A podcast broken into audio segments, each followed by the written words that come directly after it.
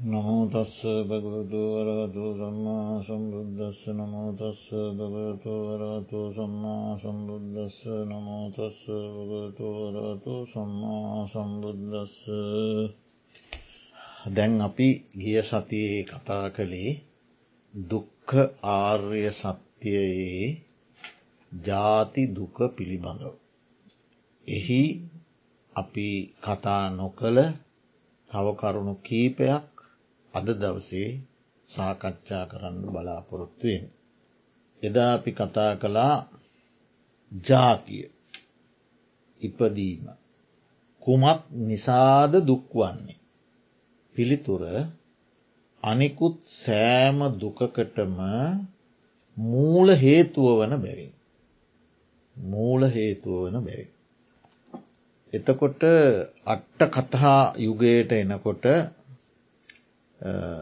මේ දුක කියන කාරණයේ නොයෙක් නොයෙක් ආකාර දක්වනු. දුකෙහි නාන ප්‍රකාරය කියලා නොයෙක් නොයෙක් ආකාර දක්වන. දුක කියන වචනය කොටස් කීපයකට බෙදෙන. එක දුක්කක් දුක්ක ඒ යන්නේ මිනිසාට එදිනෙදා ජීවිතයේ මුහුණදීමට සිදුවන කායික වූත් චෛතසික වූ දුක් සමූහය දුක්ක දුක්ක කායකෝත් මානසිකෝ දුක් සමූහය. දෙක විපරිනාම දුක්ක. දැන් දුක්ක දුක්කයේදී ගත්තේ දුක්වේදනාව. කායික චෛතසික දුක් සමූහය කියල ගත්තේ දුක්ක වේදනාව. හරි ඊළඟට විපරිනාම දුක්කයේදී ගන්නේ සුකවේදනාවේ විපරනාමය. මොකද හේතුව පලවෙනි එකේදී දුක්වේදනාව ගත්තනෙ කායික චෛතසික දුක්ක දුක්ක කියන එකේදී දුක්වේදනාව ගත්ත නිසා විපරිනාම දුක්හේදී වැඩි වශයෙන් ගන්නේ සුකවේදනාවේ විපරිනාමය. විපරිනාමය කියන මොකල් තියෙන තත්වෙන් පෙරලී යන. එතෝට සුකවේදනාව කියන පෙරලී යන ස්වභාවයෙන් යුක්තයි. එක තම විපරිනාම දුක්කය. හැබැයි දුක්වේදනාවත් ඒ විපරිනාමය තියෙනවා. මෙතැන්දී ඒක නොගත්තේ පළවෙනි එකේදී ඒක ගත්ත නිසා. දුක්ක සුකවේදනාව විපරිනාමය තමයි විපරිනාම දුක්ක කියලා කියන්න.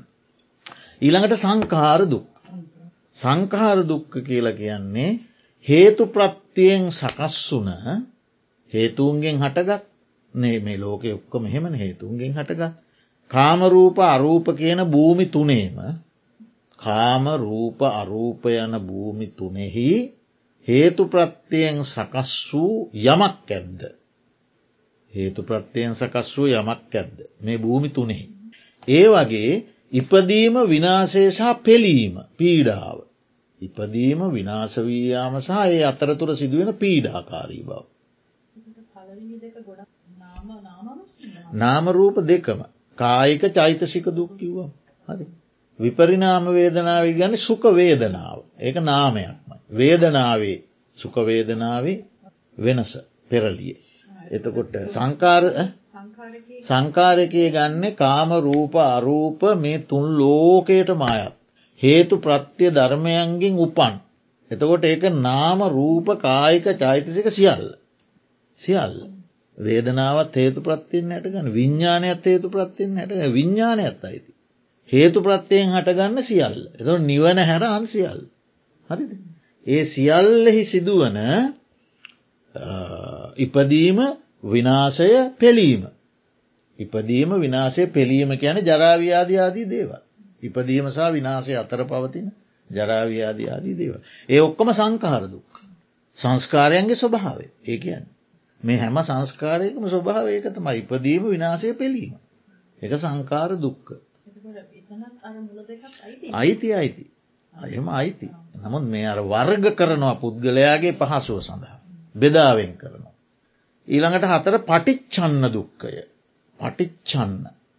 පටිච්චන්න කියලා කියන්නේ අප්‍රකට වැසුණු ප්‍රකට නෑ. අසා දැනගත යුතු. හරිද. ඒඇන ප්‍රකටව පේන්නේ. අහල දැනගණ්ඩුවන්. මොනවදේ. කන්රුදා ඇස්රුදා වැහිල තියෙන්නේ. අක්මාවේ ආබාධයක් තියෙනවා. ප්‍රකට නෑ. අහල දැනගණ්ඩ ඕන කොතන දුක. දුක ඒකත් එක දුක කොතන තියෙන්නේ? කෝ බලන්න. ඉස්කෑන් එක ඉස්කෑන් දාත්. ඉස්කෑන් එකක් කරලා බලු කෝ බලන්න.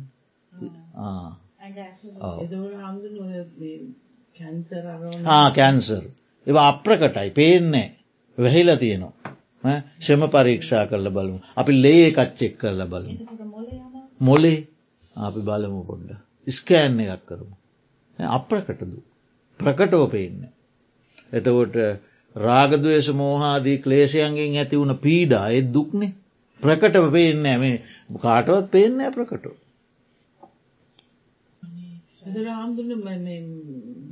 කෙනෙක් මැරුණහම ඇතිවන දුක මැරුණම් පස ජීවතුන් අතර ඉන්නයටද ජීවතුන් අතර ඉන්නයට ප්‍රකටත් සමහරයට ප්‍රකටයි සමහරයකට අප්‍රකටයි. සමහරු වේදනාව දරාගෙන ඉන්න ප්‍රකටෝ පෙන්න්න නැතුව. පරිදේවයක් දුකක්න ඒකත් දුක ඒ දුක සමහරු ප්‍රකටෝ පෙන්න්නනවා අන්ඩනවා වෙලපෙනවා එක ප්‍රකටෝ පෙන්න්නනවා සමහරු. දැයක දුකක් තමයි. සමහරු ප්‍රකටෝ පෙන්න්නනවා සමහරු ප්‍රකටෝ පෙන්න්න මොම නිහෙඩුවන්න එතවට අහන් ඩොන ඔයාට දුකක් දැනෙන් නැද ඇත්තටම ඔයාට දුකක් දැනෙන් නැද්ද? කියලා අහල දැනගණ්ඩෝනේ එයා කියන මට දැනෙනවා. මං එක පෙන්න්න ඒ ඇතුළි දීනවා අප්‍රකටයි. එතට පටිච්චන්න කියල ගැන වැහිලා. කාසා දැනගන්නුව. ඊළඟට අපපටිච්චන්න දුක්කය පහ. පේනවා. අපපටිච්චන්න වැහිලනෑ විමසන්න නැතුව වනත් දැනගන්නකුළු අපෝ එයා දුකින් ඉන්නේ විමසන්න නැත. පේන විමසන්න නැතුවත් දැනගන්නකුළ දැන් අපි කියමු මැලේරියාව හැදෙනවා. එද උන්න උනෙන් පෙළෙනවා එතට විමසන්න ඔන්න නෑ. දුකින් ඉන්නවා. නේ. ඊළඟට ඔය යුද පිටිවල දෙතිස් වද බන්ධනයන්ට හව වෙලා අත්පා කැපිලයින්න අහන්ඩ ඕනෙද කවුරුත් දුකද කියල කවුරුත් අහන්ඩ ඕන්නේ අත් කැපිල පා කැපිල දෙතිස් වද බන්ධන. කවුරුත් අහන්ඩ ඔන්න දුකෙන් දොයා ඉන්න කියලා. ඒක ප්‍රකටයි අපපටිච්චන් ඊළඟට පරියාය දුක්ක පරියාය දුක්ක ඒ අර මුලින් කියපු ජාති ජරාව්‍යාදි මරණ සෝක පරිදේව දුක්ක දෝමන සුපායාස කියලා පිකිවේ ඒ ඔක්කෝම මේ පරියාය දුක්කයට අයිති. පරියාය. දුකට වස්තුවන සියලුම දේව. දුකට වස්තුවන යමක්වේද ඒ සියල්ල. යමක් දුකට වස්තුවන්නේද ඒ සියල්ල පරියාය දුක් නම් වේ. ඔව. දුකට අයිති.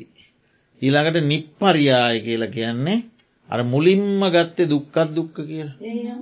ඒටික දුක්කත් දුක්ක කියලා ගත්ත එකට තාව වචනයක් තමයි. කායික චෛතසික දුක් සමූහය. නිප්පරියාය. මේකෙන් මේ කියන්නේ මේ බෙදීම්වලින් උත්සාහ කරන්නේ අර එකම දුක විවිධ විවිධ ආකාරයෙන් බෙදලා මිනිසාට මේ දුක පිළිබඳ අවබෝධයක් ලබා දෙන්න. මේ මේ මෙහෙම මේක මේක මේ විදිහේ බෙදීමක්. නෑ මේ අට්ට කතා අට්ට කතාව. එතකොට දැන් අර අපි කියමුකෝ නිකම්ම සමහර කෙනකොට දුක්ඛ කියනකොටම අවබෝධ වෙන. හරි සැරියුත් මහරහතන් වහන්සේ මුගලම් මහරහතන් වහන්සේලා වැනි අයට මහාකාශ්‍යපය වගේ ඒ මහරහත් උතුමන්ට ඒ සංසාරයේ අප්‍රමාණ පාරමී දහම් පුරාගෙන ඇවිල්ලා පිපෙන්න්නට ආසන්න නෙළුම් මලක්ෂේ හිරුවලිය විතරයි නොවන පිපෙන්. ඒ වගේ සිත් ඇති උතුමන්ට මේ දුක්හ මේක දුකක් තියෙන මේ ලෝකය මත කිව මේක වැටහෙනවා. වැටහෙන් නැති මිනිසුන්ට මේක විවිධාකාරයෙන් බෙදලා අරත දක්වලා ගාථාවලින් කියලා පද්දිය ගද්දිය ඒ හැම හැකින්ම කියල මේ උත්සාහ කරන්න ඒකට පෙන්න්න මෙන්න මෙහෙම දෙයක් තියෙන. කියල ති ඕක හතකට බෙදල පෙන්න. ඊළඟට තවදුරටත් මේ ජාතිය හෙවත් ඉපදීම දුකක් වන්නේ ඇයි අද දවස අපි කතා කරන්නේ එක. එතකොට ඔන්න දැන් මේ මේ කියන ලද සියලූම දුක් මේ දුක්කත් දුක්ක විපරිනාම සංකාර පටිච්චන්න අපපටිච්චන්න පරියාය නිප්පරියාය ආදී වශයෙන් බෙදූ. යම්තාත් දුකක් වේද. ඒ සියලුම දුක් ජාතිය නැත්තං හට ගන්නවා. ඒ ජාතිය නැත්නම් රහතන් වහන්සේලා ජාතිශය කළා. හරි ජාතික්කය ජාතියශය කරලද. අයිපදීමන්නේ.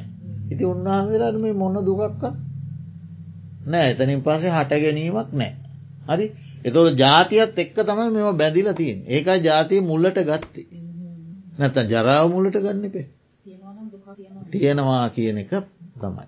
යම් තැනක හට ගැනීමක් තියෙනවනම් ඒ හට ගැනීම යනු දුකෙහි හට ගැනීම. මහනිනි ඇස යම් තැනක හටගන්නේද ඒ දුකෙහි හට ගැනීම. කන යම් තැනක හටගන්නේද ඒ දුකෙහි හට ගැනීම. මහනිනි ඇස යමෙක් සතුටෙන් පිළිගන්නේද ඔහු පිළිගන්නේ දුකයි. ඔහු දුක පිළිගන්නේ නම් ඔහු දුකෙන් නොමිදේ. මහනිනි යමෙක් මේ කන සතුටෙන් පිළිගන්නේද හෝ පිළිගන්නේ දුකයි.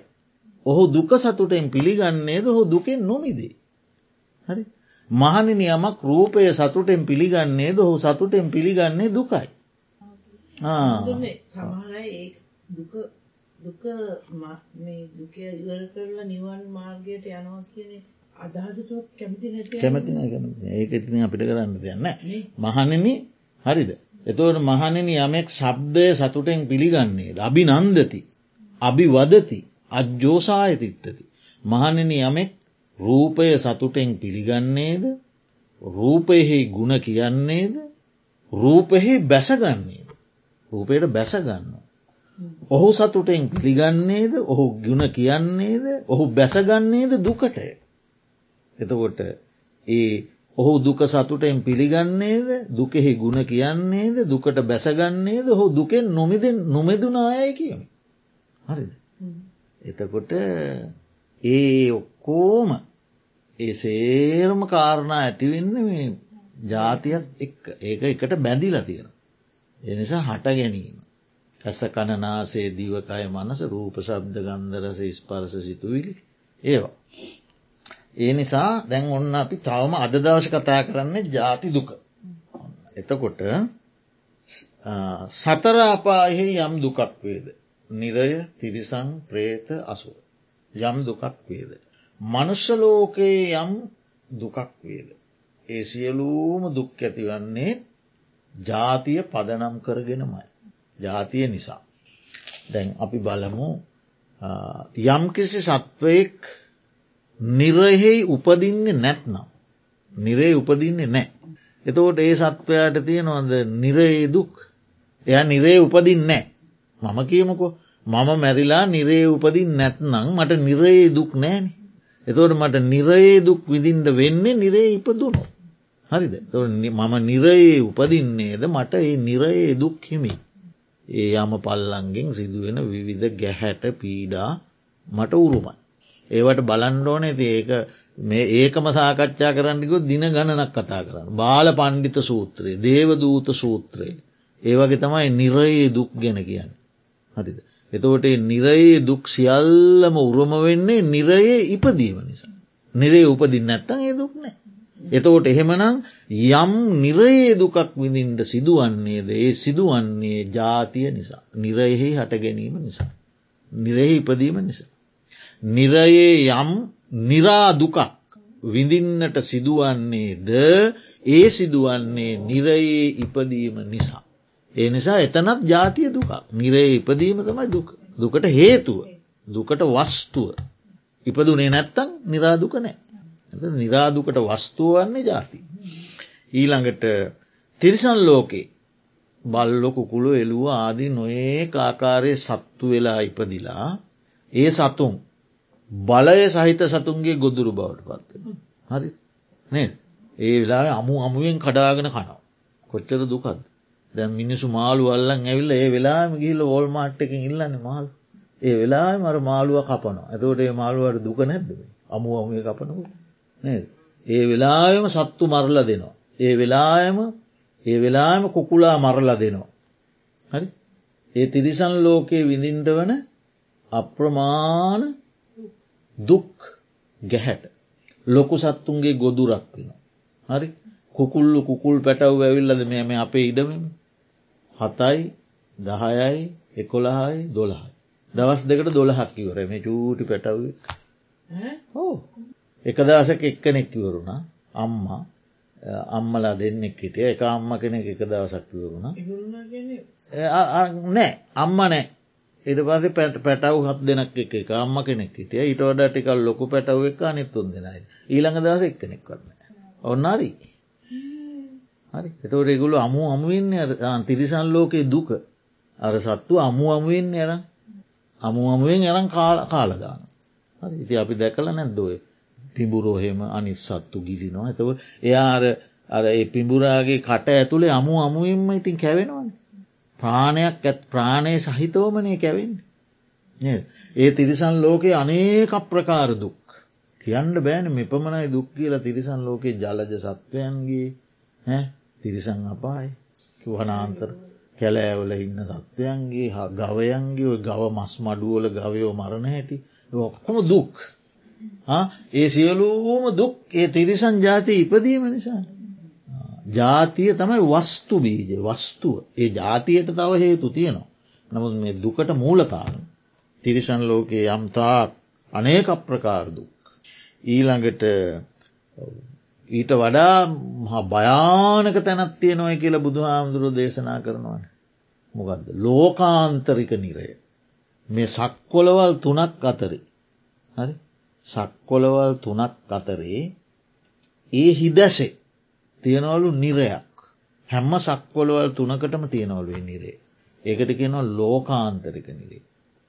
අගා අන්දකාරා අන්දකාර බහුලා ඒක සම්පූර්ණයම මේ වැහිලදන්න හරි එක විවෘත නෑ විවෘත නැති අත්තිසේම බලවත් ගනාදුරක් කිසිම ආලෝකයන්න. තොට බුදුරජාණන් වහන්සේ ලෝ පහළවන වෙලාවෙත් බුදුරජාණන් වහන්සේ බුදුවෙන වෙලාවෙත් බුදුරජාණන් වහන්සේ දම්සක් පැවතුන් දේශනා කරන වෙලාවෙත් බුදුරජාණන් වහන්සේ පිරුණුවම් පාන වෙලාවෙත් ඇතිවෙනවා ලෝකයේ මහත් වූ ෂණික ආලෝකයක්. මුළු මහත් විශ්වයේ ෂණික ආලෝකයක් ඇති එක මොහොතයි පවතින්. ඒ ෂණික ආලෝකයේදී ලෝකන්තරක නිරයට එලිය වැට. එච්චරලු එලියක් වැටෙන. ලෝකාන්තරක නිරේට ආලෝකයක් වැටෙන්නේ ඒ මොහොත විතර. එතකොට ඒක ඉන්න සත්වය අඳුනගන්නවා මේ තවත් සත්තු ඉන්නවා කිය. ඒ ෂණයෙන් ඔච්චරයි දන්නේ. ඒ සූත්‍රෝල තියෙන. හිතන්න නැතු. ආං ඒ ලෝකාන්තරක නිරේ ගන්න සීතලයිලු. දැඩ්ඩි අන්දකාරය ගන්න සීතල එලියක් නෑ. තෝට ඒ ඒ ලෝකාන්තරික නිරේ ජීවත් වන සත්වයන්ට ඒ දුක් විඳින්ට වෙලා තියෙන්නේ ලෝකාන්තර නිරේ ඉපදුන. හරිද. ආන්න ඒක තියෙනවා මේ සූත්‍ර දේශනා ගණනාවක තියෙනගෙන. එතු ජාතිය නිසා තම ඒ දුක්ක. ඊළඟට ප්‍රේත ලෝකෙ ප්‍රේතලෝකෙ සෙම් සොටු තරන්වත් ආහාරක් නොලබන. එගුල්ලු ප්‍රිය කරන්නෙත් ඒ හාර ඒකවත් ලැබෙන්නේ. ඒකවත් නොලබමින් අන්ත දුක්විදින. ඒත් ඒ දුක උරුම වෙලා තියන්නේ ප්‍රේත දුක ජාතිය නිසා. එහි ඉපදුන නිසා. ඊළඟට ඔය විදිහේ නිරය තිරිසං ප්‍රේත අසුර. කියන ඒ සතර අපා දුක් සියල්ලම ටම වස්තුව ජාති. එනිසා තම ජාතිය මුලට ගත්තේ. ඊළඟට දැන් අපි මනුෂ්‍යලෝකයේ අපි මූලික වශයෙන් සාකච්ඡා කළා ජාති ජරා ව්‍යාදි මරණ සෝක පරිදේව දුක්ක දෝමනස්ස අප්‍රිය සම්පයෝග ප්‍රියවිප්පයෝග ඉච්ච අමකදද යංකි යම්පිච්චන්න ලබති තම්පි දුක්හ පංචුපාදානක්කන්ද දුක්ක. ඔය ආදී දුක් දොළහක් දාශයක් දහයක් හයක් ආදී වශයෙන් අපි කතා කරන්න. ඊට අමතරව ඒටිකට අමතරව ඔව මහානිර්දේශ පාලියේ සහ මහානිර්දේශ පාලි බුදුරජාණන් වහන්සේගේ දේශනාවක් නෙවෙයි. නමුත් බුදුරජාණන් වහන්සේගේ දේශනා සමූහයකට කරන ලද අර්ථ දැක්වීම. හරිද ලෝකයේ පිල් දෙකට බෙදිලා ඉන්නවයි මහා නිර්දේශ පාලී යනු කුමක්ද කාගේද කියලා. හරි එක විද්වත් පිරිසක් කියන්නේ ඒක සාරිපුත්ත මහරහතන් වහන්සගේ අර්ථ දැක්වීම. මහා නිර්දේශ චුල්ල නිර්දේශ පටිසම්බිධා මග්ගපාලි. ඒ තුනම සාරිපුත්ත මහරහතන් වහන්සේගේ දේශන. එතකොට ඒ මහා නිර්දේශපාලයේ දුක විස්තර කරන තැන නෑ නෑ ඒක සූත්‍ර දේශනා ගණනාවකට කරන අර්ථ කාම සූත්‍රය ගුහට්ටක සූත්‍රය සුද්දට්ටක සූත්‍රය අත්ත දණ්ඩ සූත්‍රය එම සූත්‍ර ගණනාව. ඊළඟට භාවරී බ්‍රාහ්මණයාගේ ගෝලයෝ ඇවිල්ල බුදුරජාණන් වහන්සේකින් ප්‍රශ්නහනෝ. ඒ ප්‍රශ්නවලට අජිතමානව පුච්චා තෝදෙය අජිතමානව පුච්චා චතුකන්නිමානව පුච්චා ඔය විදිහට ඒ භාවරී බ්‍රාහ්මණයගේ ගෝලය අහපු ප්‍රශ්නවලට බුදුහාන්දුරු පිළිතුරු දෙනවා. ඇගොල්ල ප්‍රශ්නහනවා බුදුරජාණන් වහස පිළිතුරු දෙනවා. ගාථශුවරූපය. ඒ දෙන පිළිතුරු දේශනාවට සහ අහන ප්‍රශ්නයට. අර්ථ දැක්වීමක් තමයි චුල්ල නිර්දේශපාලිකය. හරිද ඒ ගෝලයෝහන ප්‍රශ්න බුදුහාන්දරෝ දෙන පිළිතුරු. ඒවට දෙන අර්ථ තමයි චුල්ල නිර්දේශපාලි. ඊළඟට චුල්ල නිර්දේශපාලියම තියෙනවා පසේ බුදුරජාණන් වහන්සේ නමක් යනු කවරේද. ඒ පසේ බුදුරජාණන් වහන්සේ කෙනෙකුගේ ස්වරූපය පිළිබඳව කරන විග්‍රහය. ඒවා ඔක්කොම සූත්‍ර දේශන. ඒ සූත්‍ර දේශනාවට අර්ථ දැක්වීම තමයි නිර්දේශ ග්‍රන්ථවල කරන්න. එතකොට අර්ථ දැක්වීම සාරිපුත්ත මහරහතන් වහන්සේගේය කියන කොටසක්කින්. සමහර අය සමහර විවේචකයෝ ඒක සාරිපුත්ත මහරහතන් වහන්සේගේ නොවේ කියලා කියන පිරිසකුත්තිීම. කාගෙද කියන්නෙත් නෑ අපි අපි පිළිගන්නේ මමත් පිළිගන්න සාරිපුත්ත මහරහතන් වහන්සේගේ විය හැකි. හරිද. එතකොට අන්නේ මහානිර්දේශ චුල්ල නිර්දේශ ග්‍රන්ථවල දුක විස්තර කරන තැන මේ අපි ඉදිරියට කතා කරන දුක් සමූහය ගැන කතා කරන. ජාති දුක විස්තර කරන තැන. මේ කරුන් ටිකම තියෙනවා අභිධර්ම පිටකේ විභංග ප්‍රකරණ. එක අභිධර්ම සූත්‍ර නෙමේ. මේ කරුණු ටික. අන්න ඒ කරුණටිකයි දැම්ම මේ ජාති දුක කතා කරන්න. හැබැයි මේ ඔය මූලික සූත්‍ර දේශනාවල නෑ. ඔය දැන් ඔය අපි ඔය සතිපට්ටාන ධම්ම චක්ක සච්ච විභංග සූත්‍ර ඒ වගේ නෑ. විභංග ප්‍රකරණය සහ නිර්දේශය තියෙනවා එතනින් අරගෙන. ඒ විභංග ප්‍රකරණය සහ නිර්දේශයෙන් අරගෙන විශුද්ධි මාර්ගගේ. සහ අටුව ආචාරීන් වහන්සේලා මේ කියන කරුණටික විස්තර කරනවා. තවදුරට විස්තර කරනවා. මේ කරුණු ටික අරං විස්තර කරනවා. අරන් තියෙන අතනින්. නිර්දේශ සහ විභංග ප්‍රකරන. අන්න එතන බලමු අපි ඔන්න ජාති. එතවට දැ මේ අභිධර්මය තියෙනවා සූත්‍රත් තියෙනවා. සූත්‍රකයන් නිර්දේශත් සූත්‍රෝලට අයිති. ඔන්න එක ගබ්බොක් කන්තික මූලක දුක. ඔක්කන්ති කියන බැස ගැනීම. ඔක්කන්තිය. ඕක තියෙනවන ඔක්කන්ති කියල වචනය බැස ගැනීම. මවකුසේකට බැස ගැනීම. එතකොට මේ ගර්භයක බැස ගැනීමෙන් හටගන්න මුල්වන දුක. ගබ්බොක් කන්තික මූලක දුක කියන ගබ්බ කියන ගර්භාසය. ගර්මාසයට බැස ගැනීමෙන් ඇතිවෙන දුක. මොකක්ද. ඔන්න අපි බලමු දැන් ඒක කොහොමද විස්තර කරලා තියෙන. අපි ග්‍රන්ථයෙන්ම බලමුකො ඉගෙන ගන්ට කොහොමද ග්‍රන්ථයේ දැන් ඔන්න අටුවාවල මේක විස්තර කරලා තියෙන ආකාරය. ගබ්බොක් කන්තික.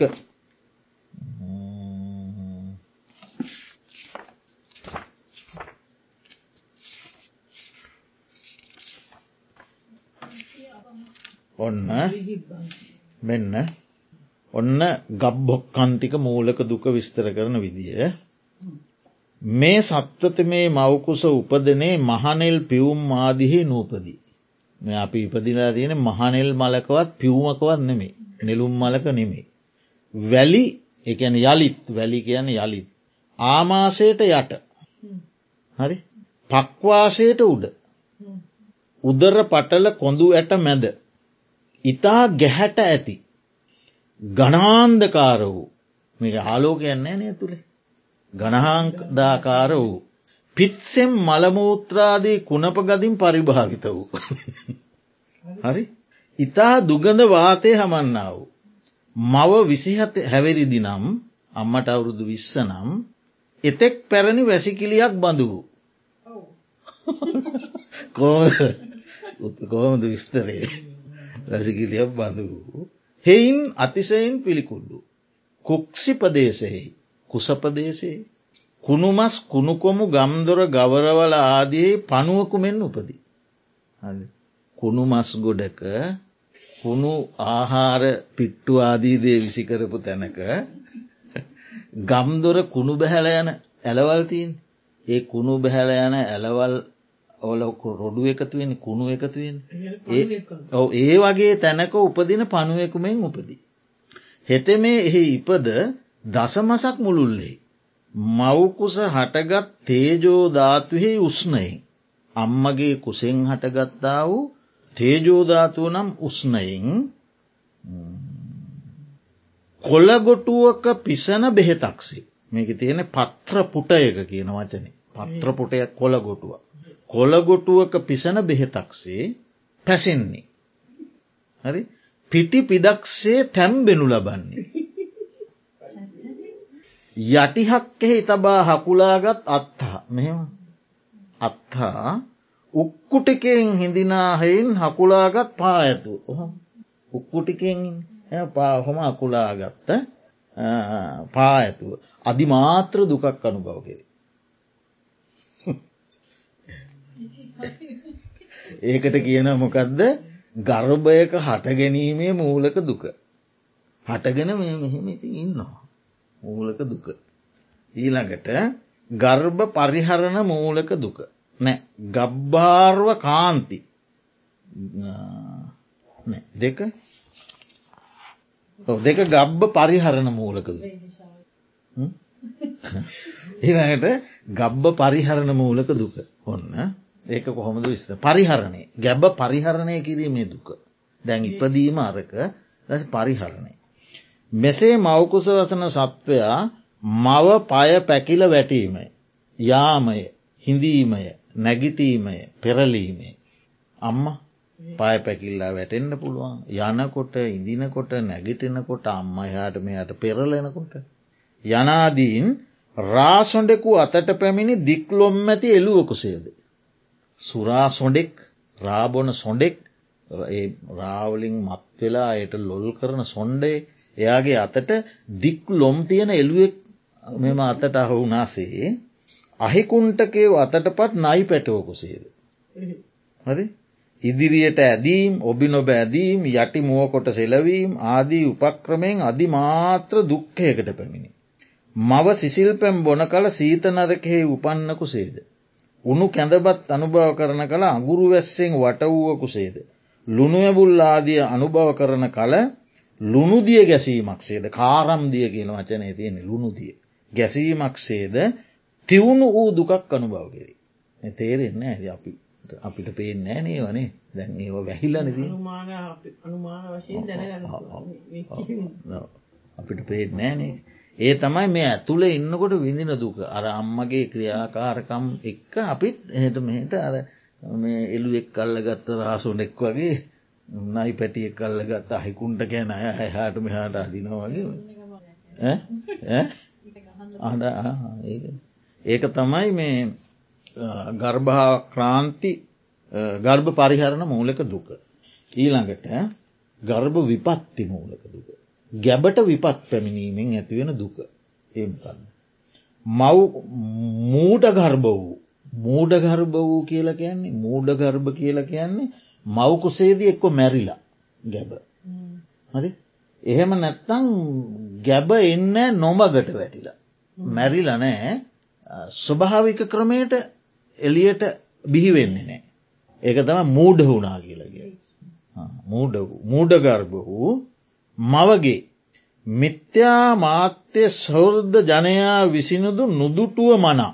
එක යන්නේ ඒ අම්මට හිත මිතුරු සුහද ජනයා ඉන්නවනි ඕනම අම්ම කෙනෙකුට හිත මිතුරු සුහද ජනයා ඉන්න. ඒ අය විසින් වනත් දැටි දැකීමට නුසුදුසු.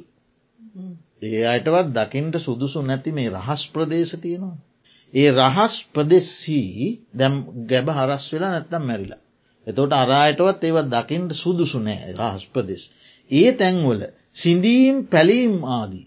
කොට ඒ සත්වයාට යම් දුකක් උපදවානම්.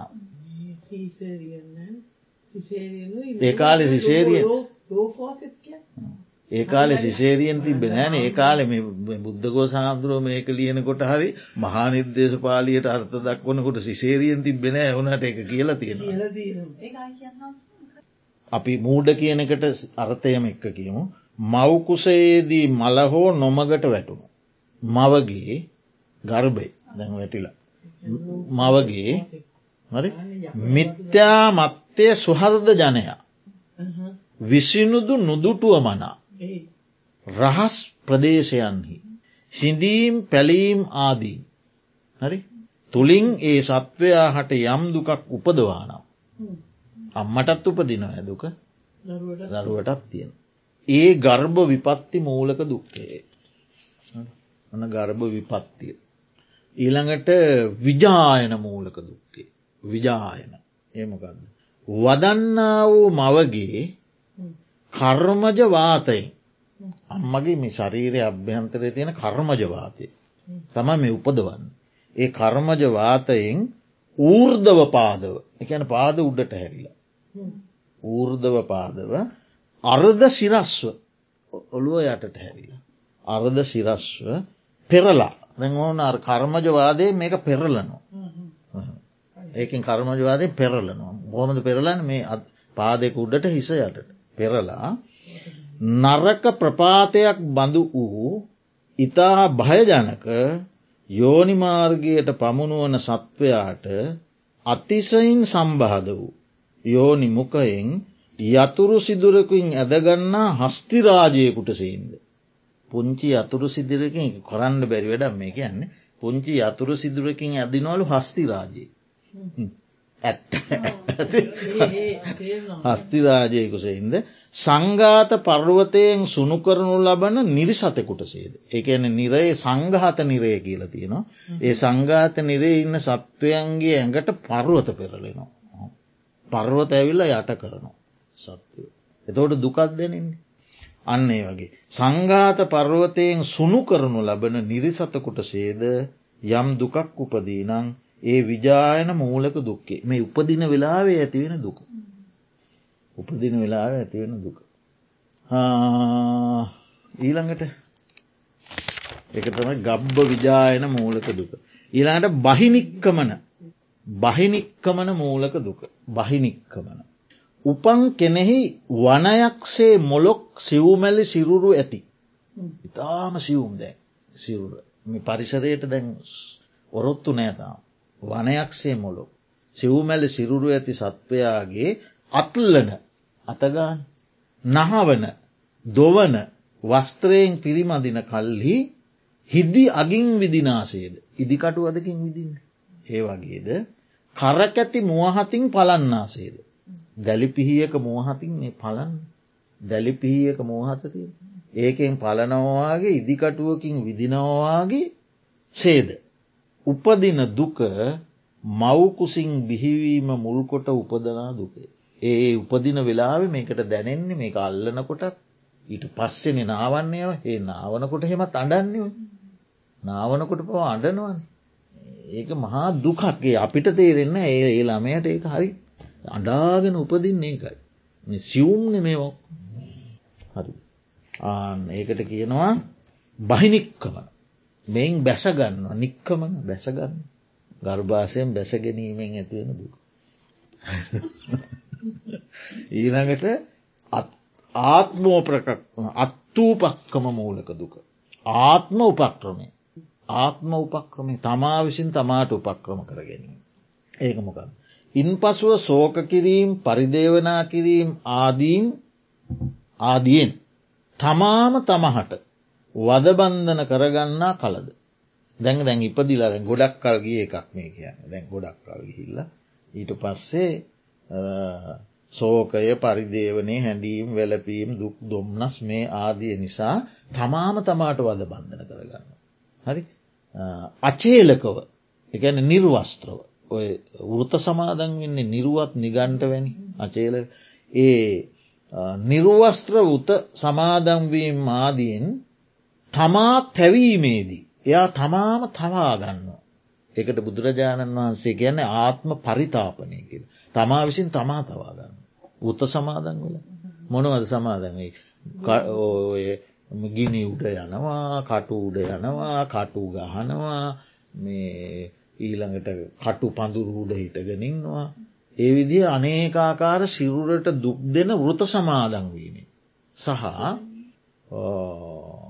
ලෝභ ක්‍රෝධ ආදී අකුසල චේතනාවන්ගෙන් විඳින පීඩා නිසා. ආහාර නොගෙනීම.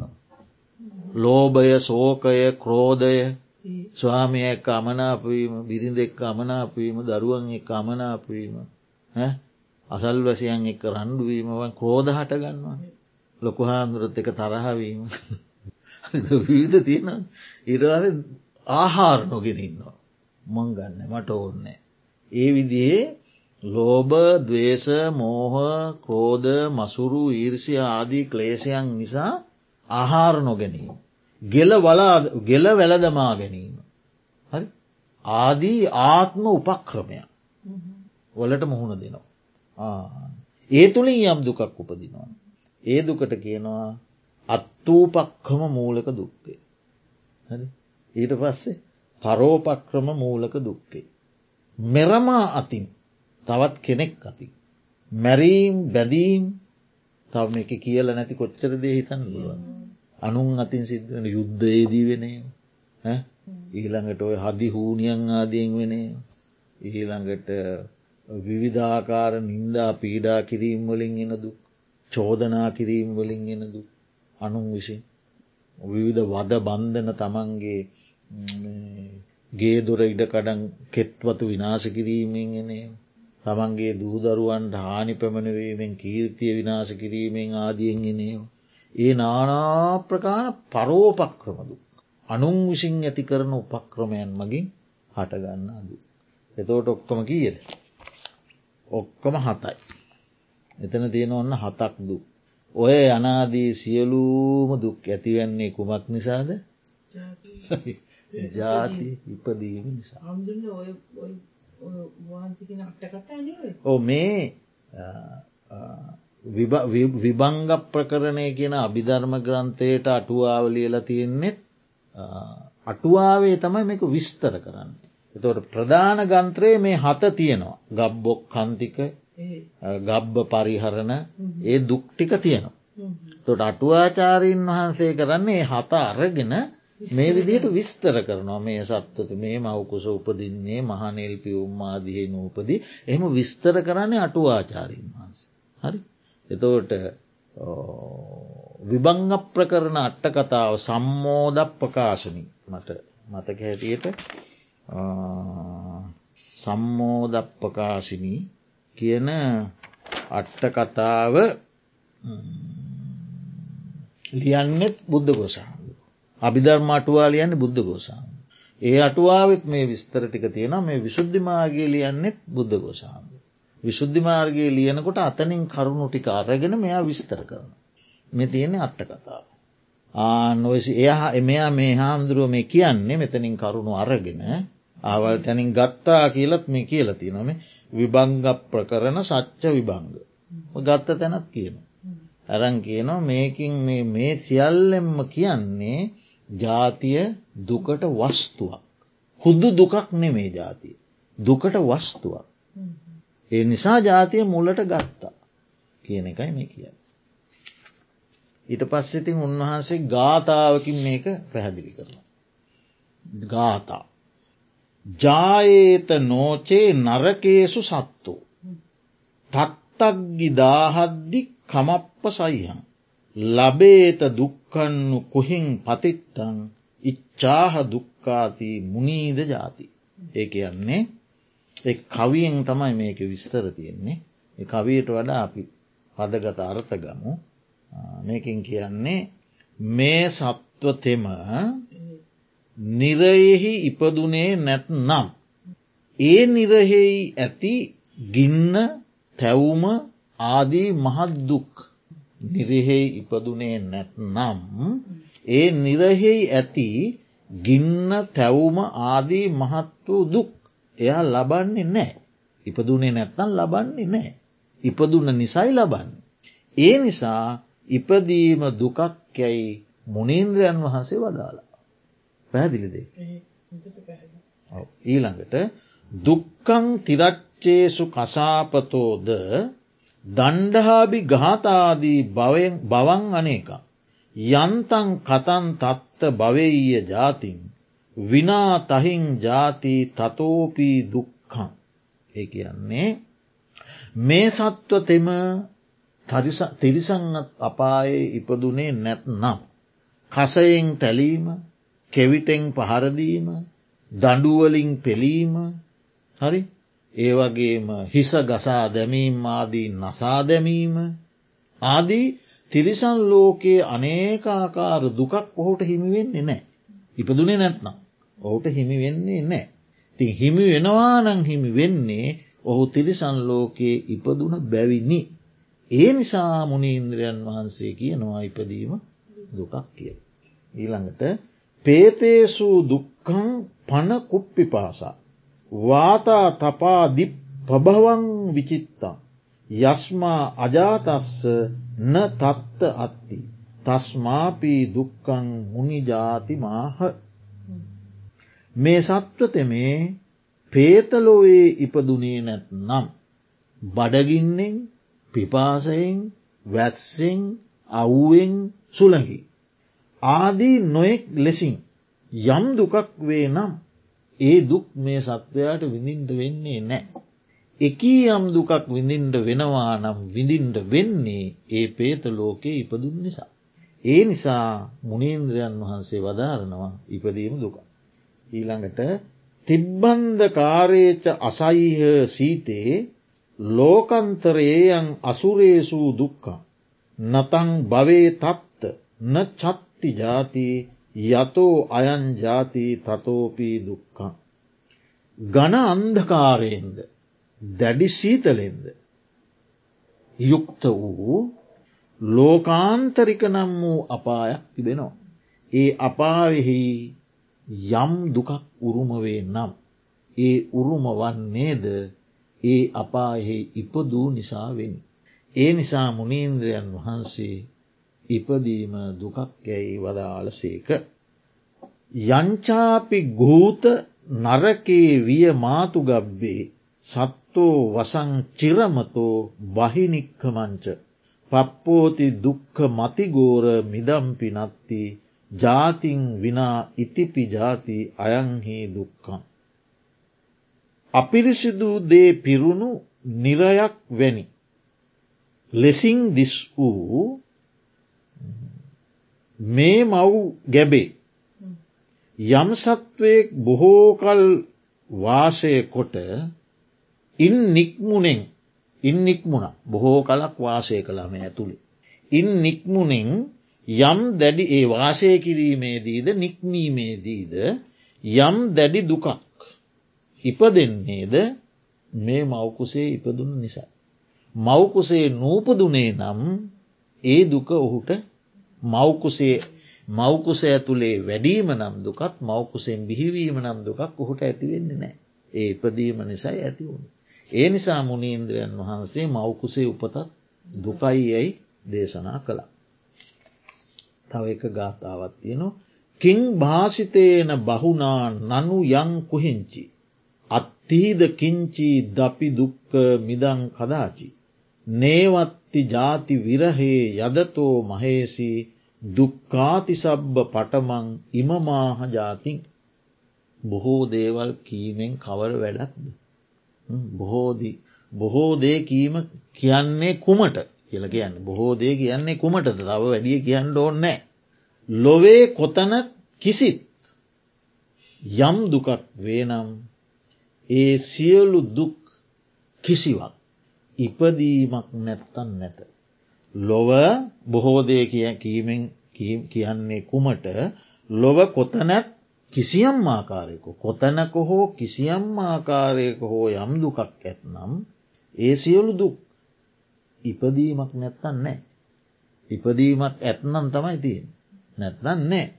ඒ නිසා මුණීන්ද්‍රයන් වහන්සේ වදාලා මේ දුක් සියල්ලටම මුල මේ සියලුම දුක් අතර මහත් වූ දුක මේ ජාති දුක්කය කියලා ඒක තමයි විෂය ඒ නිසයි වුණ. කියලා ඔන්න උන්වහන්සේ මේ විස්තරය අවසං කරනවා ජාති දුක පිළිබඳ. ඔන්න එතවට දැන් අපි ඔන්න ඉගෙන ගත්ත මොකක්ද පූර්ව වසයෙන් සූත්‍රයන ඉගෙන්වීම. ජාතිය ජාති සංජාති ඔක්කන්ති අභිනිබ්බන්ති ඒටික. ඊළඟට ජාතිය කියන්න මොකක්ද කියලා අපි වෙනම කතා කලා සූත්‍රයේ තියෙන කොටස. ඊළඟට අපි ගියා විභංග ප්‍රකරණය නිර්දේශ පාලි සහ ඒවාට දක්වලා තියෙන අට්ට කතා විනිශ්චය. ඔය කෝම කියන්න ජාති දුක. පංචුපර්ධානස්කන්දේ මුල කතා කරන්නද ඕ ඕ අසුභවාදී කියල කියනවා කතා කර බයත් හිතෙනවා කතා කරන්න පෝ මේ අසුභවාදයක්න කියනවන ඔ අසුභ නෙමේ ඕක ඇත්ත. සත්‍යය විතර බලන්න ආම්දු නිකම් මේ ශරීර විවච්චේදකෙක් වගෙන විවච්චේද කියන්න කපල ඔපරේෂන් කරන වෛද්‍යවරෙක්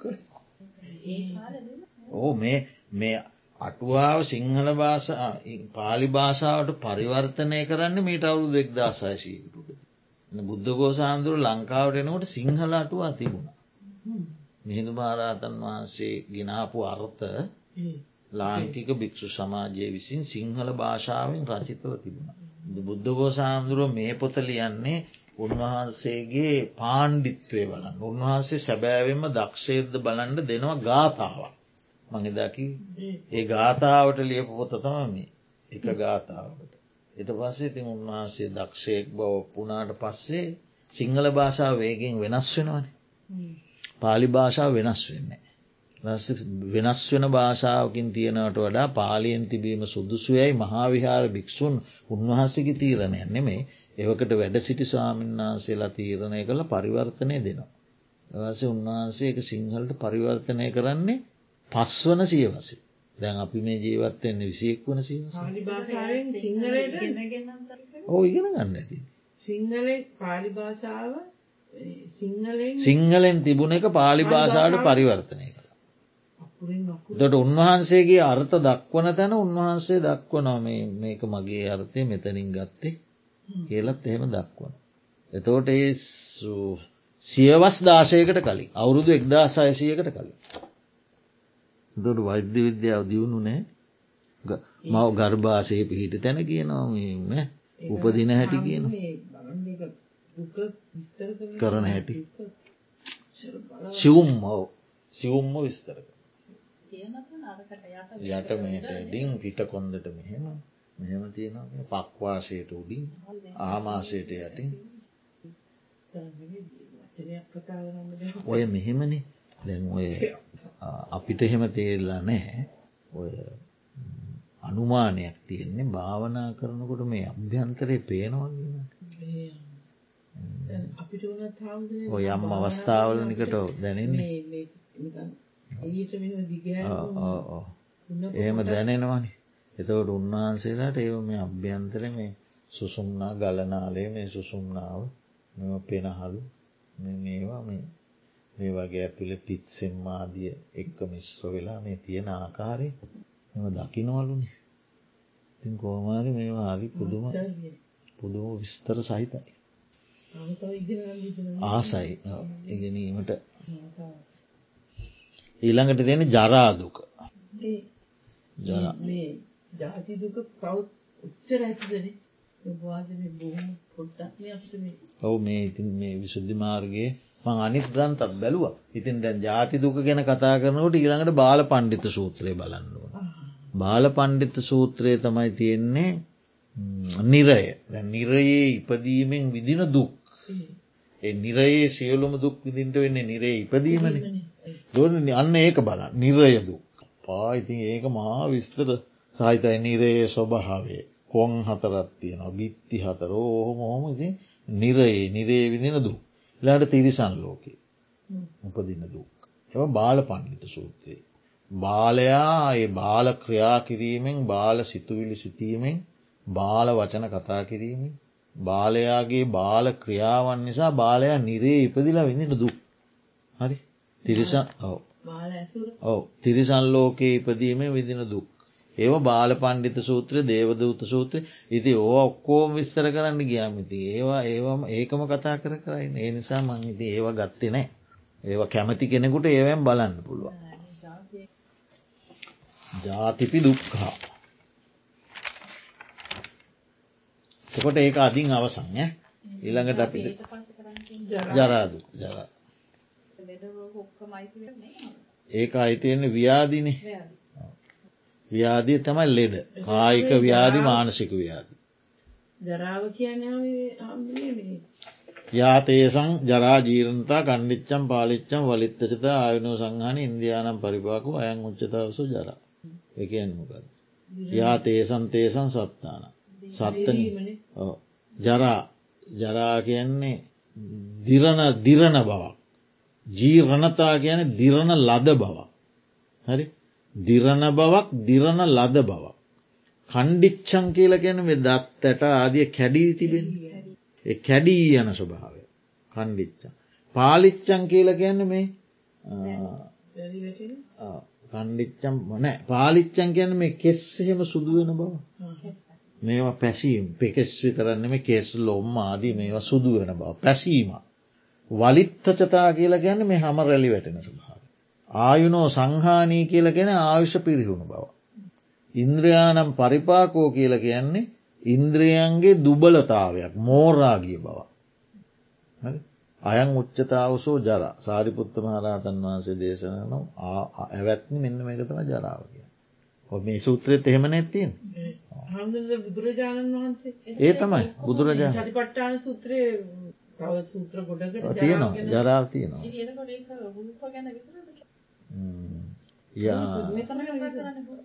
ඔතන රූප ගැන විතරයි. නෑ නාම රූප දෙකේම තියෙනවා. නමුත් මෙතන ප්‍රධාන වශයෙන් ගන්නේ ඇග ශරීරී ප්‍රකට ඕක ගන්නවනීට පස්සේ අපි මානසික දෝමනස්සයටතේ එ මනසේ ඇතිවෙන විකෘතිය ගන්නවා දෝමනස්සේ ඔව. ඔතන ඔතන ඔතන ගන්නේ මේ මේ ශරීරයේ රූපේ. ඒ හාමුදුර ප්‍රකට හිදන ප්‍රකටයි ප්‍රකටයි. ප්‍රකටව දැනෙන නිසා.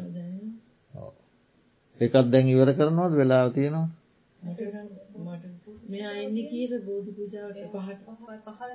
දැන් කීයද වෙලා? හතරයි හතරිය එන එක අපි මූලික විස්තරය කරන මූලික විස්තරය කියන්න බලන්න පාලිවාක්කි කතමාජ භික්කවේ ජරා. ඔව්. යන්තේ සංතේ සංසත්තාන. ඔව්. තම්බි තම්බී සත්තනිකායේ. ජරාමරණ ජරා ජීරණතා. ජීරණතා. කණ්ඩිච්චං පාලිච්චං වලිත්තචතා ආයුනෝ සංහානි. ඉන්දයානම් පරිපාකෝ. අයං උච්චති භික්කවේ ජරා. එතකොට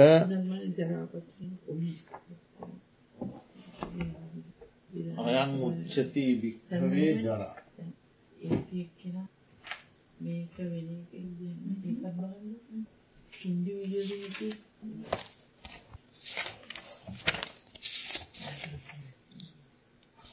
ඒ කියන්නේ ඒ ඒ සත්වයන්ගේ ඒ ඒ සත්වයන්ගේ ඒ ඒ සත්ව නිකායන්හි. දිරාපත්වීම. දිරාපත් වන ආකාරය. දිරාපත්වීම දිරාපත් වන ආකාරය. ඊළඟට දත්තට ආදිහි කැඩීයාම හිසකෙස් ආදිහි පැසීම දුබලවීම දුර්වර්ණවීම ඇගරැලි වැටීම් ආදී. ඇග රැලි වැටීම තමයි ප්‍රධාන දුබල දුර්වලතාවයක් ගන්න. ආයුෂයේ ගෙවීයාම. ඇසකණනාසේ දිවකයි මනසායන ඉන්ද්‍රියයන් දිරාපත්වීම. ඉන්ද්‍රියන් පරිපාක වෙනවා මෝරායන. යන මේ ජරාස්වභාවේ වනාහි වනාහි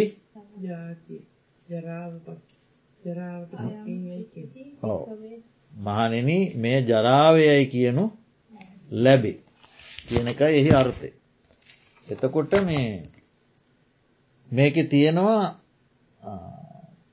අප්‍රකට ජරාව ප්‍රකට ජරාව කියලා දෙක. ජරා ප්‍රධාන කොටස් දෙකට බෙදෙනවා. මේ සූත්‍රය නෙමේ අප්‍රකට ජරා ප්‍රකට ජරාව. ඒ අප්‍රකට ජරාව හේතුන්ගෙන් හටගත්තා වූ හෑම දෙහෙකම ලක්ෂණය. හෑම දෙහෙකම තියෙන ලක්ෂණයක්.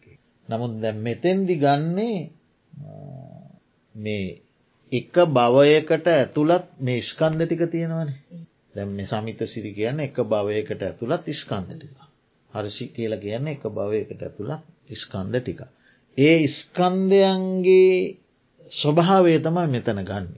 අර සංකතයන් හැම සංකතයකම තියෙන ලක්ෂණයක් නෙම මේකම එක හැම සංකතයකම තියෙනවා මේ දිරාපත් වන ලක්ෂණය. ඒ අප්‍රකටයි. හරි? ඒක බොහොම සියුම් දෙයක්. මෙතනින් මේ ගන්න ප්‍රකට ජරාව. එකන අපි අ ඉස්සල්ලා කිව මේක අවබෝධයට පහසුයි ප්‍රකට ජරා. අප්‍රකට සැඟවුන සියුම් නාමරූප ධර්මයන්ගේ ෂණයක් පාසා සිදුවෙන ජරා ස්වභාවය නෙමේ මේ කතා කර මේක පේන එක කතා කර අරක වෙනම ඒක මේ විදර්ශනාවට හසුවනද අප්‍රකට. මේ කතා කර ප්‍රකටද මේක මේකෙන් සිදුවෙන්නේ යෞවනත්වය නසාදාන තරුණ බව යෞවන බව. ඒක ඒක තමයි මේක වැටහෙන්නේ ඔන්න දැන් ජරාවට පත්වෙලා කියලා මේ වැටහෙන්නේ. මේක සිද්ධ නිරන්තරයෙන් සිදුවන දෙයක්. නමුත් පුද්ගලයාට වැටහෙන්නේ ද අපි කියන්න මෙයා දැන් දිරාපත් වෙලා. ඔවු. අපිට වැටහෙන්නේ ඒ ස්වභාවෙන් එයා දැම් වයසට ගිහිල්ල දිරාපත් වෙලා. ඔවු. ඉපදීම නිසා තම මේ ඔක්කොම. ඔක්කොම ඇතවට මේ දිරාපත්වීම අඟපසඟ ලිහිල් බව ඉන්ද්‍රියන්ගේ විකාර බව විරූප බව තරුණු බව නැසීම බලය බැසීම සිහිනුවන නැසීම අනුම් පරිභව කිරීම අනාදී නොයෙක් කරුණෙන් කායික මානසික දුකක් උපදීනං එයට හේතුවත් මේ ජරාව තම හරිද. අංගානං සිතිලී භාවා ඉන්ද්‍රයානං විකාරතෝ යොබ්බනස්ස විනාසේන බලස්ස උපඝාතතෝ. විප්පවාසා සතාදීනං පුත්තධාරයෙහි අත්තනෝ අපපසාධනීය තෝචේව බිහියෝ බාලත්ත පත්තිය. පප්පෝති දුක්කං යම් මච්චෝ කායිකං මානසන් තත සබ්බ මේතන් ජරාහේතු යස්මා තස්මා ජරා දුක. ඔන්න ගාථාටික අඟ පසඟ අවසඟ වෙලා මේ අඟ පසඟ තමන්ට ඕන විදිහට පවත්වන්න. හරි ඉඳුරං විකල් වෙලා මේ ඉන්ද්‍රියන්ගේ ස්වභාවය විකල් වෙලා. යෞවන ශ්‍රියාව නැසිලා. යෞවනත්වය තිබුණන යම් ශ්‍රියාවක් සිත්තද ගන්නා සුළු බව ඒක නැසිලා ගිහිල්ල. සිරුරේ බල වෙනසිලා. සිරුරු ශක්තිය වෙනසිලා. සිහිනුවන වෙනස් වෙලා. සමහර කෙනෙකුට අතීතය මතකනෑ. සමහරකටමට අතීතය මතකයි වර්තමානයව මතකේ තියාගන්න බෑ. සමහරකට අතීතයේ ඒවත් මතකනෑ වර්තමානය මතක තියාගණ්ඩද දෙකම බෑ. සිහිනුවන ඒ විදියට වෙනස් වෙලා. සිය අඹු දරු නෑසියන් පිළිකුල් කරනුවෙන්. ඔහු දැම් වයසට ගියම් පස්සේ සිය අඹුව සිය දරුවෝ සිය නෑසියන් නෑදෑ හිතෝතුම්. ඉස්සර තිබ්බ ප්‍රියභාව නෑද පිළිකුල් කරන. සමහට මුණපුරා සීය අතින් දෙනවා මේක කණ්ඩ කියලා සීයගේ හිතන රක්වේ කියලා අරගෙන පස්ස විසි කරනවා. වෙන කාට හරි දෙනවා. ඒ මහල්ලා අතින් අල්ලපුදේ අල්ලන්ඩ කැමතින. සිය අඹු නෑසියන් පිළිකුල් කරනවා. හා නිවට බවට පැමිණුමේ දැ ඉස්සර තිබ්බ ශක්තිය නෑ දැන් නිවටයි ඒගැන දැම් මොකක් හරි දෙනතෙක් බලාගෙනින් ඕන. හරි? ඉශ්ෂර එහෙමනෑ අරව පෙරලගෙන ගිහිල්ලා ඒ අයට යටත් නෑන. තමන් තමන්ට තමන්ට රිසි ලෙස හැසිරුණ. දැ රිසි ලෙස හැසිරෙන්ට බෑ. දැ ළඟට දෙනෙක් දෙනතෙක්කින් නොන දුන්නොත් තමා. නිවට බමට පැමිණීම. කයින් මනසින් යම් දුකක් ලබතොත් මේ මිනිසා ඒ සියල් දිරුම් හේතුවෙනි. එබැවින් ජරාව දුකමයි. ඒ කියන්නේ දැන් අර ජාතිය නිසා තමයි ජරාව පත්වෙන්නේ ඉපදුන් නැත්තන් ජරාවක් නෑ දැන් ජරාව තමයි ඊළඟට අර අනිත්තේ ඔක්කොම ලං කරන්න. ජාතිය නිසා තරුණ කාලයේදී වුව ලං වුණේ නෑනේ තරුණ කාලයේදී කවුරුත් ප්‍රිය කරා එකට හිටියා ආස්වාදයෙන් හිටියා සතුටෙන් හිටියා පිළිකුල් කරේ නෑ ඕන්නං එක බත් එක දෙකට බෙදාගෙන කනවා මේකින් එරන් කවන කොටත් කනවා. මම බත් මං කනයකින්ම කටක් කවන එකත් කනවා. බොහොම ප්‍රියෙන් ඒවා. එක බත් බිධාන දෙන්න දෙපැත්ත ඉදගෙන කෑවා. දැන් මහල්ලකින් එහෙම කණ්ඩ කැමති නෑ. ඒ ඒ දුක්ටිකෝ ජාතිය නිසා තමයි. නමුත් ඒ තරුණ කාලේ නැති ස්වභාවයකට මන්දැම් පත් වනේ මේ ජරාව නිසා. ජරාවේ ස්වභාව ඒකයි. එතකොට දිරණ බවක් දිරණ ලද බවක් දත්තටාදිය කැඩුණු බවක් කෙස් සුදුහුණ බවක් හම රැලිගැටුණු බවක් ආවිෂ පිරිහුණු බවක් ඉන්ද්‍රයන් මෝරාගිය බවක් වේද පරිපාකයකට බියග බවක් වේද මේ ජරාවයි. එතකොට ඒ ජරාවේ ප්‍රකටයි අප්‍රකටයි දෙකත්තිය. අප්‍රකට ජරාව විදර්ශනාවට හසුවෙන්. එතකොට අපිට හසුවෙන්න ජරාව ගිය මඟ ජරාව ගිය මඟ දැන් අපි සුලි සුළඟක් හමනවා. සුලි සුළඟක් හමනවා හැමුවාම ඒ සුලි සුළඟ ගිය මඟ අපි දැනගන්න කොහොම මේෙන් අතු කඩන් වැටිලා ඕ ඒ සුලි සුළගෙන් ඔන්න මේ ප්‍රදේශය අතු කඩාගෙන බිමට හැලිලා. බිම තියෙන සාමාන්‍ය ලඳු කැලෑව මෙහෙම පීරගෙන පාත් වෙලා ගිහිල්ල. ඒම ගිහිල්ල එතවට අපි දකි නො මේ සුලි සුළඟ ගිය පාරොන්න එක මෙතනින් හැරිලා මේ පැත්තට. අපි හැරුණ කියලා දැනගන්න ඊට පස්සෙ ගිය පාරි. දැන් අපිට සුළඟ පේන්න. ගිය මාර්ගය අනුව අපි දැනගන්නවා සුළඟක් හමලා.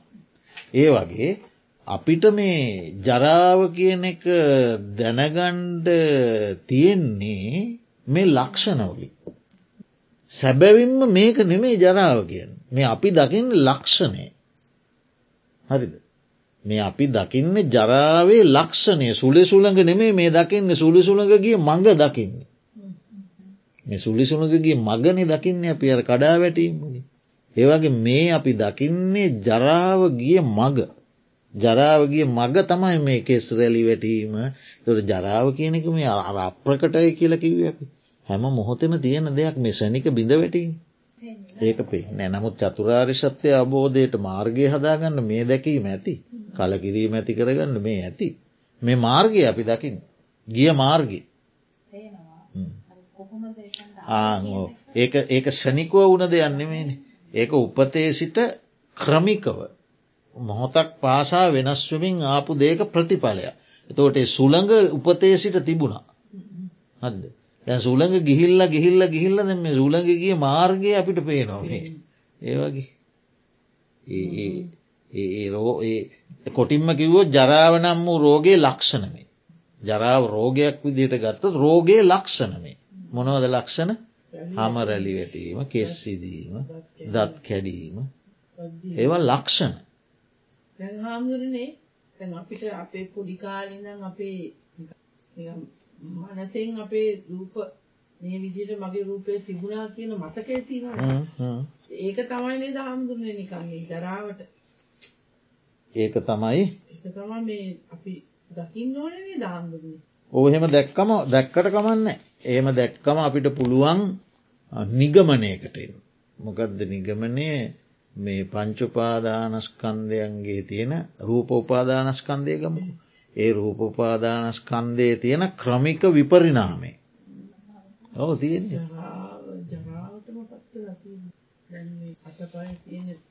ඉතිං ඒ පැරණි ධර්මග්‍රන්ථයක් තිබුණා විමුක්ති සංගාව කියල මට මතක හැටියට ඒ ධර්ම ග්‍රන්ථය හොයන්ඩ නෑ. මට ජීවිතය එකම එක වතාවක් හම්බුණ තන්නි කරම චතුරාර්ය සත්‍යය ගාථාවෙන්දීම හරි?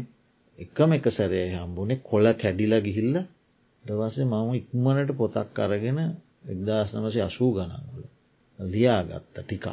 ඉට පස්සේ පොත හොයනකොට ඒ පොතායි හම්බ උන්නෑ මට. මං හැම්ම තැනින්ම අහල දන්න තැන්වලින් බැලුව මට ඒ පොත හම්බෝනේ නෑ. පොත ලියපු කෙනෙකුත් නෑ පොර ලියපු කෙනෙක් පැරෝනි ග්‍රන්ථයක්. ලියපු කෙනෙක් හොයාගන්න මුල් පිටු හෙම තියෙන්නේ ඒව මොකුන්න පිටු කැඩි ලගහිල්ල. ඒක තියෙනවා මේ ජරා දුක ගැන ඔය අපි දැන් කතා කරේ මේ මහළු අයසට ගියම් පස්සේ කාටත් අප්‍රිය වෙනවා. මය මහල්ලා සිනාසුනෙත් නොහොබි. ඉස්සර අපි සිනාසෙන කල බොහෝ දෙනාට අපි ප්‍රියයි. හරි දැම් මේ මහල්ලා සිනාසෙන කලදේ නොහොබි ඒකට කැමති නෑ එක සෝබන නෑ. ඒ මහල්ලා අතින් අල්ලා දෙන දෙයක් පිළිගැනීමටද කැමති නෑ. ඒ ඔක්කොම තියෙනවා පොතේ. බහා තෙරනමක් ලියල තියෙන. ඒ පොත හොයන්ඩ නෑ මොනවා මට හක්මනෙදි තමයි පොත හම්බුනේ ඉට පස්සේ ගේල්ලම හක්මන කබත් ගාන වෙලු ඒව පොතනෑ විසි කරන්න ඇති කවුරු හරි කොල කැඩිච්චි පොතන්න කබඩ් ඩස් කොරනකට අයින් කරන්න ඇති. ඒක තියෙනවා. ආ මට දැන් ගාත මතක නෑ. අසූ ගනන් වල මං ගෙන ගත්තයකන්න මේ අග පසඟ ඔක්කෝම වාරුණේ අපිට අවශ්‍යදියට පවත්වන්න බෑ. ඊළඟට අපේ කාය බල ශක්තිය පිරිහිලා. වෙනදා කළ කාර්යන් අපිට කරන්න බෑ. ඊළඟට ඒ මහල්ලා ඒ මහල්ලා වෙනදා නානා ප්‍රකාර ප්‍රිය සම්භාසනවලදී සතුටෙන් ප්‍රියභාවෙන් පිළිගත්ත මිනිස්සු දැන්ගේ ප්‍රිය සම්භාසන ආදියේදීවත් ඒ මහල්ලාට පිළිගැනීමක් නෑ. ඔහුට ඇතිවෙනේ ඒක තමයි මේ ජරාවේ ස්වභාවය කියලා ඒ ගාථා පන්තියෙන් විශාල ගාථා පන්තිය ඒකෙන් ප්‍රකට කරලා පෙන්න්නනවා. රූපස්කන්දය ජරාව ගැන තමයි කියන්න. එතනදී කියනවා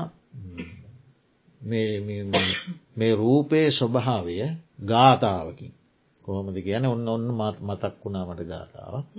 දුම්මිත්හෝ මේ කය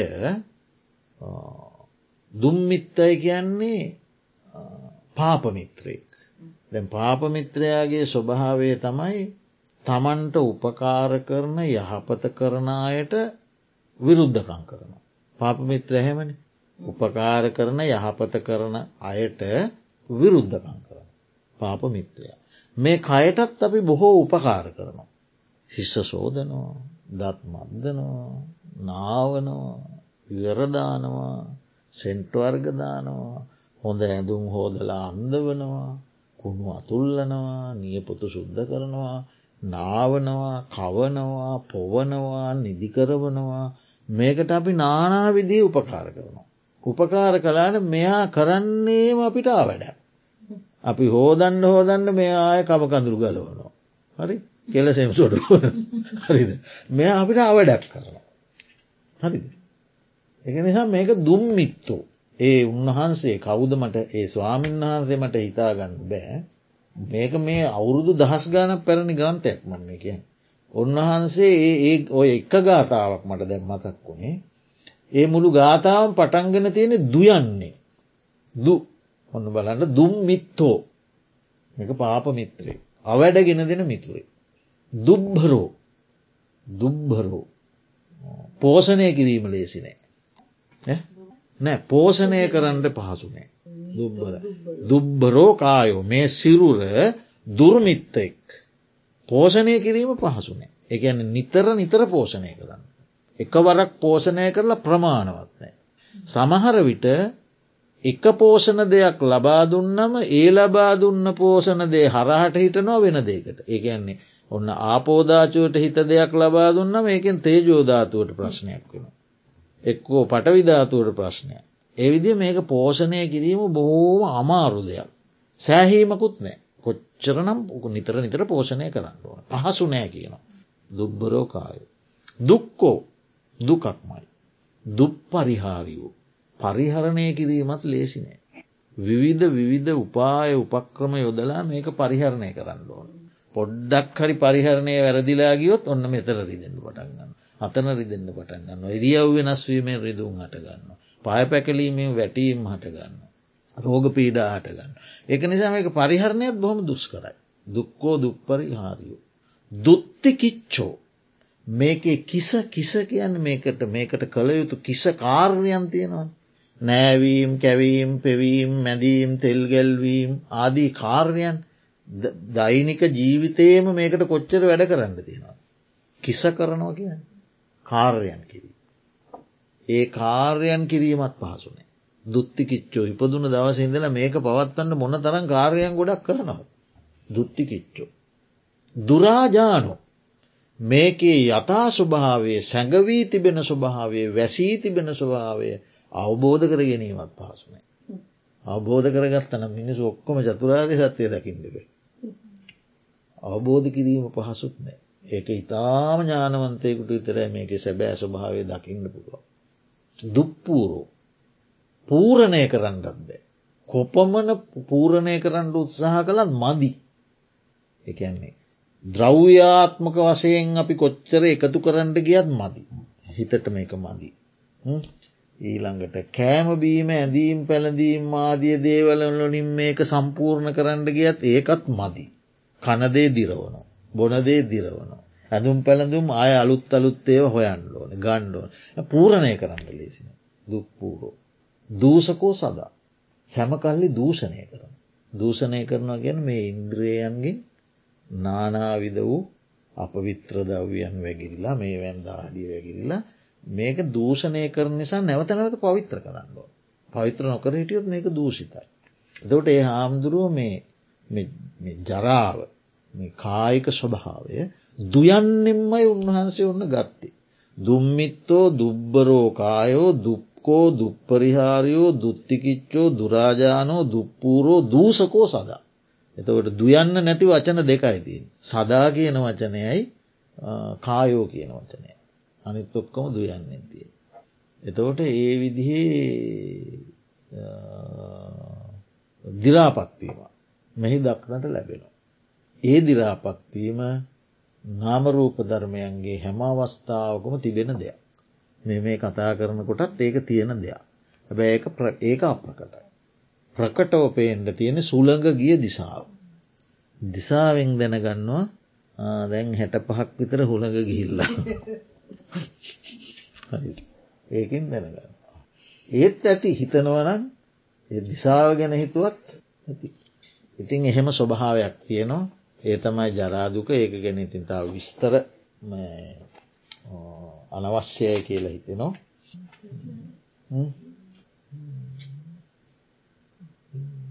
මේක මේ කතා කිරීම අසුභවාදයකුත් නෙවෙයි. සුභවාදයකුත් නෙවෙයි. මේක යථාර්ථය පරමාර්ථය. එතකොට නමුත් මේක මෙහෙම වෙනවාය කියලා පැත්තකට වෙලා දුක්වීඳීම නෙමේ කරන්න ඕන. හරිද. මේ යථාර්ථය අවබෝධ කරගෙන අපි ලැබවා වූ ජීවිතයේ ඒ කාර්යයන්නේ යෙදෙන අතර මේක මේ දිරනවා වැඩන්න කාටවා සල කලා වැඩකුන්න දරුවන් එහෙම නෙවෙයි මේ යථාර්ථය තේරුම් ඇරගෙන තමන්ගේ ජීවිතයේ යුතුකම් වගකී මිටු කරගනිමින් අවබෝධය කරා යන්ඩුව. නේද.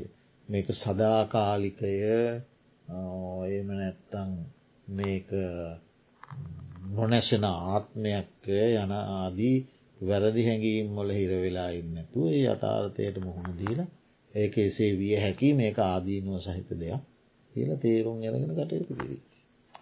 ඒකයි කරන්නටෝ. ඉතින් මං උත්සාහ කරන්නම් මට මේ වෙලාවේ මතකයට එන්න ඒ මගේ නමය මතකේ හැටියට විමුක්ති සංගාව ඒ පොතට මං හරී ආසයි. මම Google එකේ පවා හෙව්වා. ඒක නෑ. මං ආරණ්‍ය සේනාසනට ස්වාමීන් වහන්සේලාටත් කිව්වා මේ වගේ පොතක් මන් දැක්කමට පොඩ්ඩක් හොයල දෙන්න. පහෙන්වත් හම්බෝන්නෑ හක්මන කෝංගල බෝධිමාලකාරාමය තමයි තිබ්බේ. මතකේ හැටියට විමුක්ති සංගාව මුල්ලු මේ මොකුත් නෑ ඔක්කම තියෙන ගාතා. ඒක තමයි තියෙන්නේ අර පාලි පාලිපාල. සිංහල අර්ථයක් තියෙන. ඔන්න ඔයක තියෙන ඔන්න ගාතාව මතක්න මොකදද ජාතස්ස යොබ්බන රසංහි ජරාපනීති. හරි එක මොකක්ද උපන්නා වූ සත්වයාගේ යෞවන රසය තරුණ රසය යව්වන රසය ජරාපනීති ජරා විසින් පැහැරගන්න. යව්වන් රසි දැම්මටත් යව්වන රසයක් තිබ ජරා විසින් පැහැරගෙන. අපි මහල්ලෙක් දැක්ක ගමන් එතන අපිට කියන්න තියෙන්නේ එයාගේ යව්වන රසයක් තිබුණ ජරාව පැහැරගෙන. ජාතස්ස යොබ්බන රසංහි ජරාපනීති. රෝගෝ බලං හරති. ඒ මිනිසාගේ ශරීර ශක්තිය බලය රෝග පීඩා විසින් උදුරාගනු ලබයි. හරි එතවට මහා ශක්ති සම්පන්න කෙනෙක් වුණත් ඒ මනුෂ්‍යයාගේ ශක්තිය බලය රෝග පීඩා විසින් උදුරාදාගත් තැන් පසේ මනුස්සය ඇඳක වැතිරිලා ඉන්න නැගිට ගන්නවරු. රෝග පීඩා විසින් බලය පැහැරගෙන. මච්චු අකාමමායෝ. එයා අකමැති වුණත් මරණය විසින් ඔහුගේ ආයුෂය උදුරාගනු ලබයි. ජීවත්වීමේ ශක්ති ආයු ප්‍රමාණය මරණය විසින් උදුරාගනු ලබයි. බෝගා හරන්තිච පරේ. දොට දැ මුලින් කරුණු ටික යව්වන රසේ ජරාව විසින් පැහැරගත්තා රෝග පීඩා විසින් ශරීර ශක්තිය උදුරාගත්තා අකමැති වුණත් මරණය විසින් ආයුෂ උදුරාගනු ලැබුව. දැ මැරිලනි. රෝ ඊට පස්සේ බෝගා හරන්තිච පරේ. එයා හරිහම්බ කරපු වස්තු ටික වස්තු සම්පත් උපභෝග පරිභෝග සම්පත් ධන සම්පත් ඉඩකඩම් යානවාහන වෙත් නම් යම්තාක් උපභෝග පරිභෝග සම්පත් ඇත්නම් ඒවා අනිත් අයි පරිභෝග කරනවා. එයාට මොකක් වන්නේ. ජීවතුන් අතර සිටින අනිත් අය ඒව පරිභෝග කරනු ලබයි. තනු මග්ගි කාම. ඔහුගේ ජීවිතය ගින්න විසින් දවනු ලබයි. තනුන් අග්ගිකාම. ඕ කැමතිවන ඔහු ප්‍රිය කළ සිරුව ගින්න විසින් දවනු ලබයි. කම්මංච බෝ එහෙකතන් අනුගාම මේක. ඔහු කරන ලද කුසලා කුසල කර්මය ඔහු පසු පස යන සෙවනැල්ලක්මෙන් හැරගෙන යනු ලැබයි. ඔහු අරයන්නේ එපමණ. කර්ම ශක්තිය අරගෙන හු යනවා. කම්මංච බෝ පින්වතුනි කර්මය පමණ රැගෙන ඔහු පරලෝ යන. ඔන්න හොම් මට එකක මතක් වෙන ඉදිරියේදී මතක් වේ සමහරට මං හරී ආසා කරපු මට ලියපු පොතත් දැම් මතක් වෙන දැම්ම අලක පොතත් නෑ ඒ පොතේ පැහැ හිටන් දැම්මට මතකෑම සීහටන මේ පිටුවන්නේ ඕ පතක්වේ දිරියේද.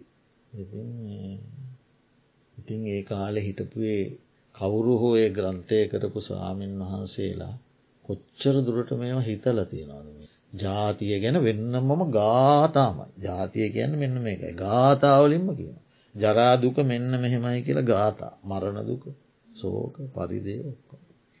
ඉතින් එහෙනම් අද දවසේ වැඩසටහන මෙතන නිමාවට පත් කරමු.